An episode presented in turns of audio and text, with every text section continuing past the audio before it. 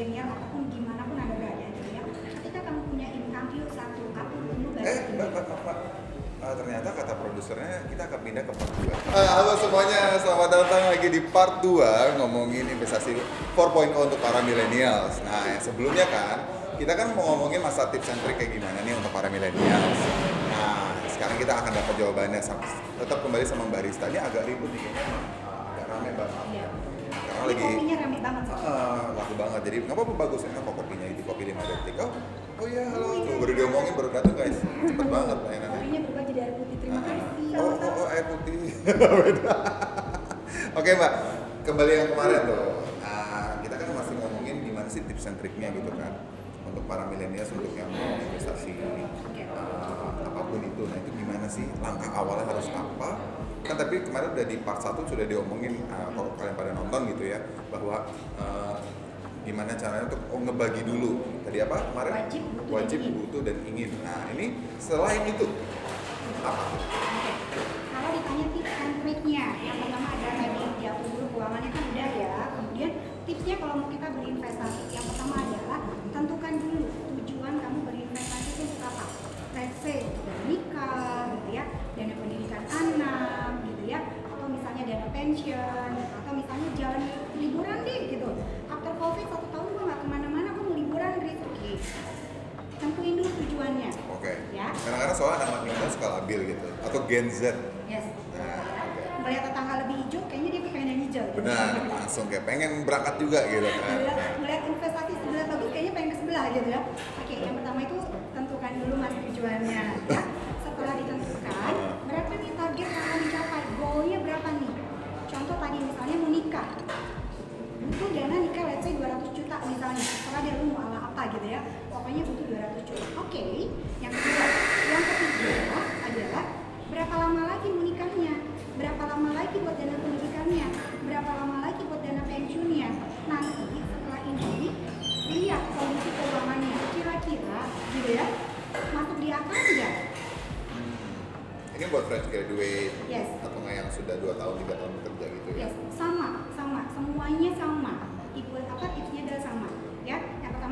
Tujuannya, kemudian berapa target yang akan dicapai, kemudian tadi berapa lama waktu untuk mencapainya. Yang keempat adalah disesuaikan dengan kondisi keuangan kita. Let's say gini, aku mau merit satu tahun ke depan, butuh dananya 200 juta gitu, ya 200 juta waktunya satu tahun. Oke, tujuannya dana nikah. Kalau kita menyisikannya 3 juta, masuk di akal nggak menurut Mas Kifa sama teman-teman? Eh, enggak sih Enggak kan? enggak Enggak kan? Gitu ya. Makanya Kan saya lagi nggak ngomongin merit jadi saya nggak ngerti gitu. Kita hitung hitungannya, hitung hitungan kayak goblok aja deh gitu ya. 3 juta kali 12 bulan nggak capek dong, gitu Iya, ya. iya. Nah makanya pada saat kita membuat tujuan itu agak sedikit smart. Artinya kita mesti lihat kemampuan kita. Kira-kira eh, bisa nggak sih kita gapainya dalam waktu yang pendek itu, gitu ya. Kemudian eh, bisa nggak sih terwujud? Kalau misalnya nggak bisa, turunin lagi nih tujuannya oke gitu ya. Nanti dari sini akan menentukan gitu ya ke mana nih instrumen keuangan atau investasi yang tepat yang pernah kemarin kita bahas di episode sebelumnya gitu ya mas. Tujuan itu ada jangka pendek, menengah dan jangka panjang. Kalau dia jangka pendek, maka masukkanlah ke dalam instrumen yang paling tidak aman dan mudah untuk dicairkan.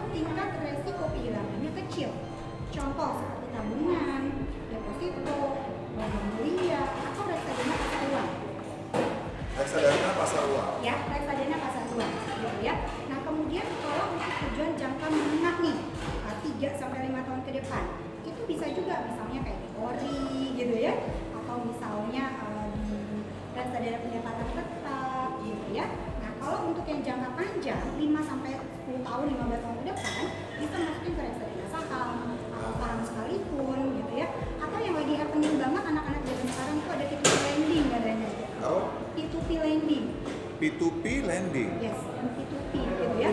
Nah, jadi banyak sekali.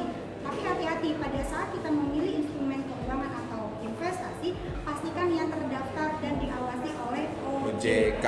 Nah, itu kadang-kadang tuh suka kayak, wih iklannya bagus sih gini-gini, tapi ternyata belum terdaftar. Ya, wassalam.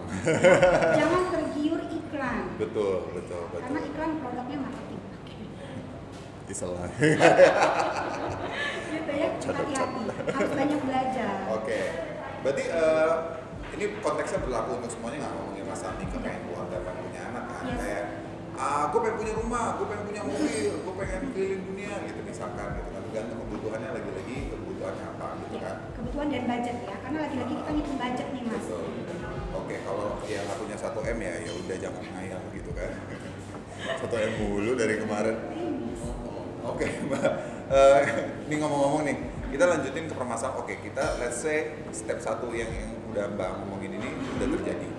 Sudah nabung, sudah bekerja, sudah sudah oke. Tiba-tiba di bisnis.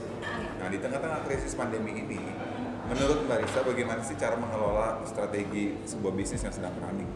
Oke, mau berbisnis gitu ya, karena mindsetnya adalah gue mau cari income tambahan. Jadi Rista juga mau informasi nih buat Mas Kiva sama teman-teman, sumber pendapatan itu ada macam-macamnya. Kalau kata Dilan nahan itu berat, gitu ya. Gue ngomongin cinta nih karena hari Valentine kan, gitu kan. ya, kalau kata Dilan nahan rindu itu berat, kata kita perencana keuangan bertahan dengan satu sumber pendapatan luar biasa beratnya mas. Artinya kita harus menciptakan income 1, 2, 3, 4 Tapi jangan lupa dikelola kelola energi, kelola waktu, uang, kebutuhan, betul? Semuanya mesti dikelola Tapi gini, uh, oke, let's say ada namanya sekarang terkenal bukan work hard, Hmm. tapi work smarter, Yes. work smart. Nah itu tuh Ya, maksudnya kerja gimana tuh? Gitu ya Artinya gini, uh, teman-teman juga harus mengukur Kerja smart itu makanya gini Income yang bakal kamu punya Atau yang lu akan dapetin income-nya Itu tergantung dari value apa yang ada dalam diri kita That's why gitu ya Makanya tanya dulu sama diri sendiri Punya value apa dalam diri ini Jangan lu minta gaji 10 ternyata value lu gak ada sama sekali. Nggak bisa Excel. nggak bisa. Gitu oke nah kalau ditanya gimana sih pada saat kita mau running bisnis? Gitu ya karena tadi sumber income itu bukan hanya satu aja. Ada dari pendapatan aktif yang artinya membantu waktu tenaga dan uang gitu ya dengan uang gitu. Artinya kita harus masuk kantor nih dari pagi sampai malam. Belum lembur belum dimarahin bos. Curhat Nah kemudian ada pendapatan eh, pasif yang artinya meskipun eh, mas nggak kerja gitu ya, tapi uangnya ada tahu nih keluarnya ada. Oke. Nah, ada pendapatan dari bisnis. Nah, sekarang kita ngomongin tentang pendapatan dari bisnis. Pada saat kita running bisnis, aku mau kasih tahu dulu beberapa kesalahan ketika orang memulai bisnis. Satu, lu bisnis hanya ikut-ikutan. Oke, karena lu pengen susah banget sih gue ngandelin uang dari kantor gitu. Alasannya simple ya.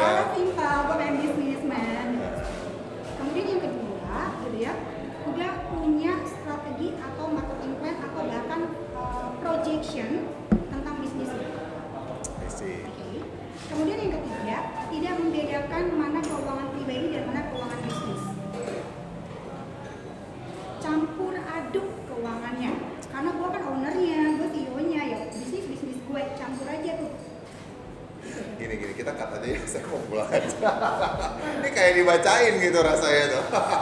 Tuh kayak ketampar pak pak pak gitu. Gimana ya? Aduh aduh aduh. Iya curhat curhat ini curhat terselubung. gitu ya tidak membedakan mana keuangan bisnis Ya. dan keuangan uh, pribadi gitu Ya. ya mas terus apalagi nih kesalahannya tidak bisa melihat peluang dan tidak bisa beradaptasi Hmm, Oke. contoh buat teman-teman yang saat ini tadi adalah kesalahan-kesalahan pada saat kita memulai bisnis gitu ya nah kemudian tidak punya dana darurat tambah lagi Jadi even lagi berbisnis pun harus ada dana darurat. jadi kalau dia mulai bisnis mulai aja dulu bisnisnya gitu mulai aja dulu gitu tapi nggak perhitungan itu juga salah Oke, itu kayak tagline Yes, tetangga besar. sebelah gitu ya. Oke, jadi ketika kita memulai bisnis yang mesti kita perhatikan adalah satu, gitu ya. Tujuan kamu berbisnis ini untuk apa? Tujuannya dulu. Berbisnis ini untuk apa selain cuan atau mendapatkan keuntungan? Kalau berbisnis bukan keuntungan, namanya bukan bisnis. Lu kerja yayasan atau sosial. Betul ya? ya kan? Kita poin aja loh. Ah, Kita gak apa-apa. dapat keuntungan kan? Ah. Tapi gimana caranya kita mendapatkan keuntungan? Masuk di logik atau enggak? Gitu ya. Nah, Masuk di kemudian- logika atau enggak ya? Kemudian yang kedua, kira-kira produk yang akan kita keluarkan ini menjadi solusi dari kebutuhan atau masalah orang atau tidak? Bukan hanya sekedar ngikutin tren atau ikut-ikutan bisnis orang. Karena merasa mampu gitu. Padahal belum ada seperti episode sebelumnya bilang investasi di otak gitu kan.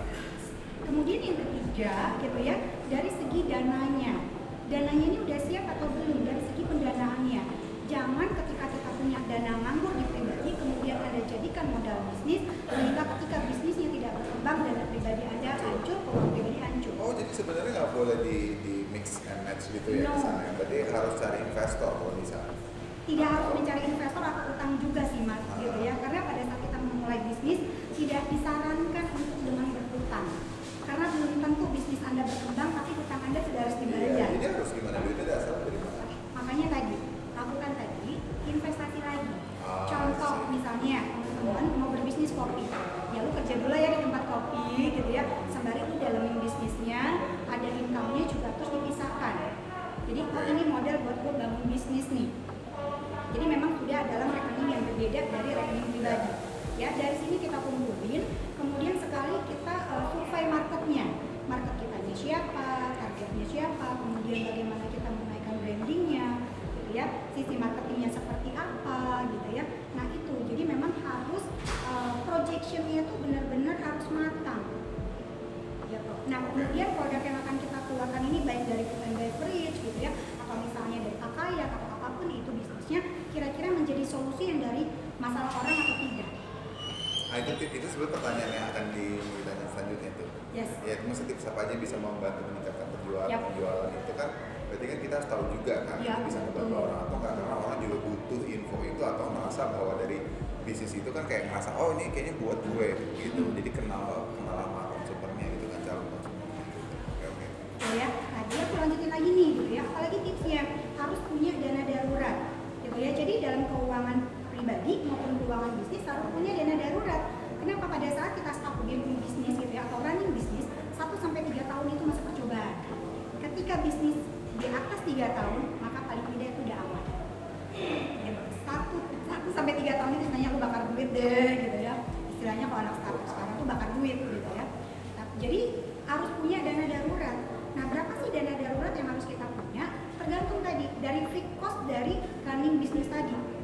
Contoh misalnya bisnis kopi gitu ya, karena kita ada di kopi 5 detik gitu kan. Uh, fixed cost-nya dari pembiayaan segala macam liability gitu kan. Misalnya fixed cost-nya misalnya 20 juta. Berarti kita harus punya nih dana daruratnya. Mau berapa kali? Mau 6 kali, mau 12 kali tergantung kenyamanan si pemilik bisnis. Jadi contoh kayak ada kopi kayak gini, kopi sempat turun gitu ya, tapi paling nggak kan harus ada cash flow-nya terus berjalan gitu kan. Gitu, makanya harus punya namanya dana darurat untuk bisnis juga. Oh jadi untuk menambalkan itu gitu kan kalau terjadi apa-apa gitu. Tapi uh, Mbak dari kemarin dari kemarin maksudnya episode sebelumnya dia selalu bilang bahwa dan- dana darurat, dana darurat, dana darurat gitu kan. Berarti emang segitu krusialnya bahwa uh, itu adalah salah satu kunci untuk bisa menyelamatkan Betul. dalam situasi apa pun gitu kan. Termasuk ya resesi kali ini gitu. Jadi emang uh, tapi apakah dalam resesi seperti ini uh, ini hanya menyarankan atau tidak ya? Berbisnis gitu baik atau tidak kalau dibilang tadi aku belum selesai, satu lagi. Oh, ya, oke, siap. Ya, satu lagi. Pada saat kita lagi ya. bisnis gitu ya, kadang-kadang orang ini tidak menggaji dirinya sendiri. Gampang deh, bukan CEO-nya, asal ambil aja. ah iya itu ah, saya Nah, itu juga harus ada, Mas. Oh. Ya, jadi kita harus ada uh, uang masuknya dari mana, yang dikeluarkan berapa aja, kemudian liability-nya apa aja, kemudian aset-aset kita punya apa aja. Jadi empat poin itu harus ada pencatatan yang jelas. Gitu. Sehingga pada saat kondisi seperti ini, let's say kita butuh modal. Gitu ya. Jadi kita bisa mengajukan untuk pinjaman modal. Kan banyak banget tuh ya yang ngasih kasih kasih pinjaman modal di saat uh, bisnis kita lagi tiarap gara-gara ada si COVID-19 ini gitu kan. Jadi kita juga harus rapi tuh pencatatan keuangan bisnisnya gitu ya dari empat poin tadi pemasukannya dari mana, pengeluarannya ke mana aja, liability kayak utang dan teman-temannya, kemudian ada juga asetnya. Kita punya aset apa aja sehingga pada saat kita mengajukan pinjaman atau misalnya kita membutuhkan modal pada investor, pencatatan kita jelas. Gitu. Ya itu juga harus jadi poin pentingnya. Nah, soal dengerin Lagi barista ngejelasin semua bahwa aku juga sempat berpikir bahwa kita mau nggak mau kalau mau bisnis pun jadi harus orang yang bisa organize Ya dong. selain modal berani, ada modal uang misalkan gitu, tapi organize itu juga penting karena mengorganize waktu, energi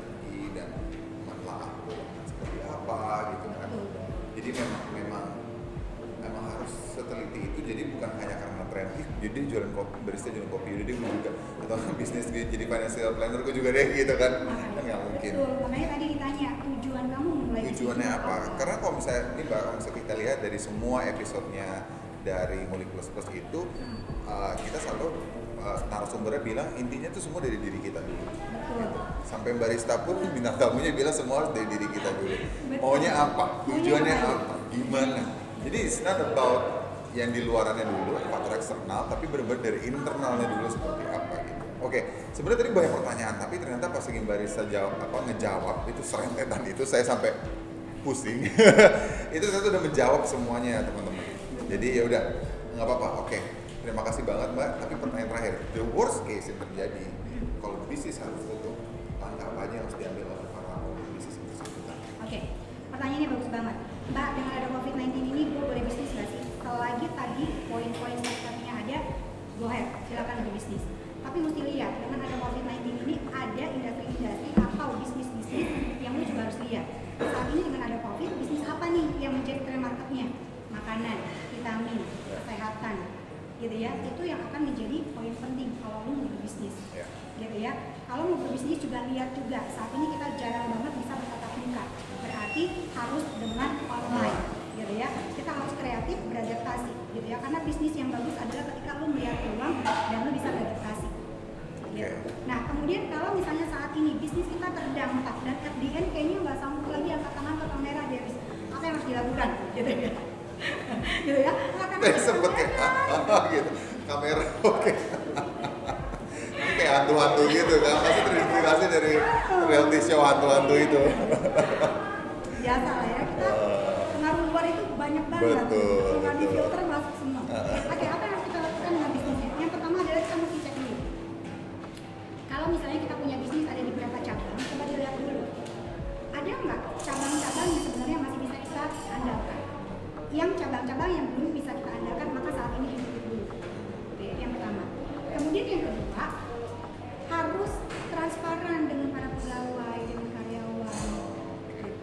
tidak mau gitu, kita harus lay off dengan kondisi seperti kayak gini kayak gini gitu ya oke banyak sih para pengusaha contoh aku juga banyak turun di UMKM gitu ya banyak sekali yang para pengusaha itu di hati kecilnya aduh jangan deh ini keluarga gue gitu ya karyawan itu kan keluarga gitu ya karena pengusaha nggak akan sukses kalau nggak ada karyawannya ada karyawan betul ya jadi tapi mau tidak mau kita harus taruh transparansi bahwa kondisi keuangan perusahaan mau bisnis kecil maupun bisnis besar sudah tidak sanggup untuk itu ya kemudian yang ketiga gitu ya kalau saya ternyata memang harus mau masih bekerja ya sudah pasti ada pengurangan dari segi pendapatan gitu ya atau misalnya pembayarannya dicicil gitu ya kemudian semua uh, work from home work from home Yes, oke gitu ya karena semua sekarang pakai digital atau online Ya. gitu ya. Kemudian kita lihat lagi, ini bisnisnya adalah bisnis barang jadi atau makanan.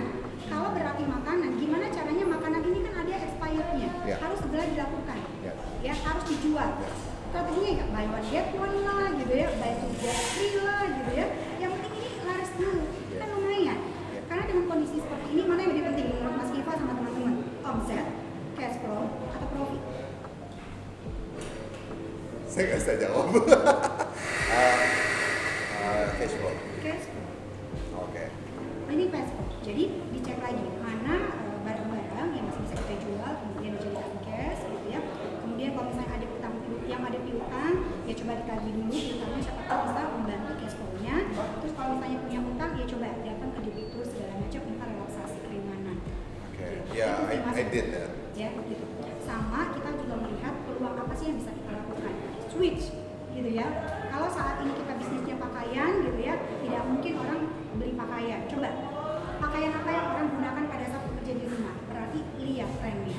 ya Gitu. jeli berarti untuk melihat tren Yes. gitu ya Oke kalau begitu, aduh ini benar-benar ya episode kali ini tuh lumayan banget ngebantu dan ngebuka mata ya teman-teman. Semoga teman-teman penonton siapa pun yang di rumah, ini ya. Iya, ini saya udah pusing, kepala saya sudah penuh mau ngomongnya hampir nggak bisa. Jadi karena banyak banget ternyata dari eh, masukan-masukan dari barista tuh ngebuat gue jadi kayak harus oke ini harus ada yang gue betulin nih harus ada yang begini. Karena selama tadi barista ngomong sambil dengerin sambil gue mikirin bisnis gue tuh kayak apa gitu. Aduh aduh aduh aduh aduh gitu mulu di kepala gue ternyata salah besar banyak banget kesalahan besar yang terjadi terima kasih loh mbak Risa jadi terima kasih banget sudah menjadi bintang tamu kita kali ini ya narasumber yang sangat-sangat memberikan hal yang positif buat kita semua Oke mbak, thank you so much for kedatangannya ya mbak ya. Oke guys, jangan lupa untuk ikuti terus episode selanjutnya nguliknya di JRW Box Media. Kira-kira nih siapa yang ada yang kalian mau undang? Silahkan terus di komen di bawah. Jangan lupa like dan subscribe dan nyalain tombol notification-nya. Oke, buat update selanjutnya. Oke, terima kasih juga teman-teman. Terima kasih juga untuk semua para sponsor eh, yang telah membantu kita yaitu Imato Project, Warung Dimsum, Idea Hub dan lagi-lagi tempat kopi 5 detik ini yang di Tebet sangat membantu kita. Kopinya enak loh guys. Terima kasih dan ditunggu episode selanjutnya. Bye bye.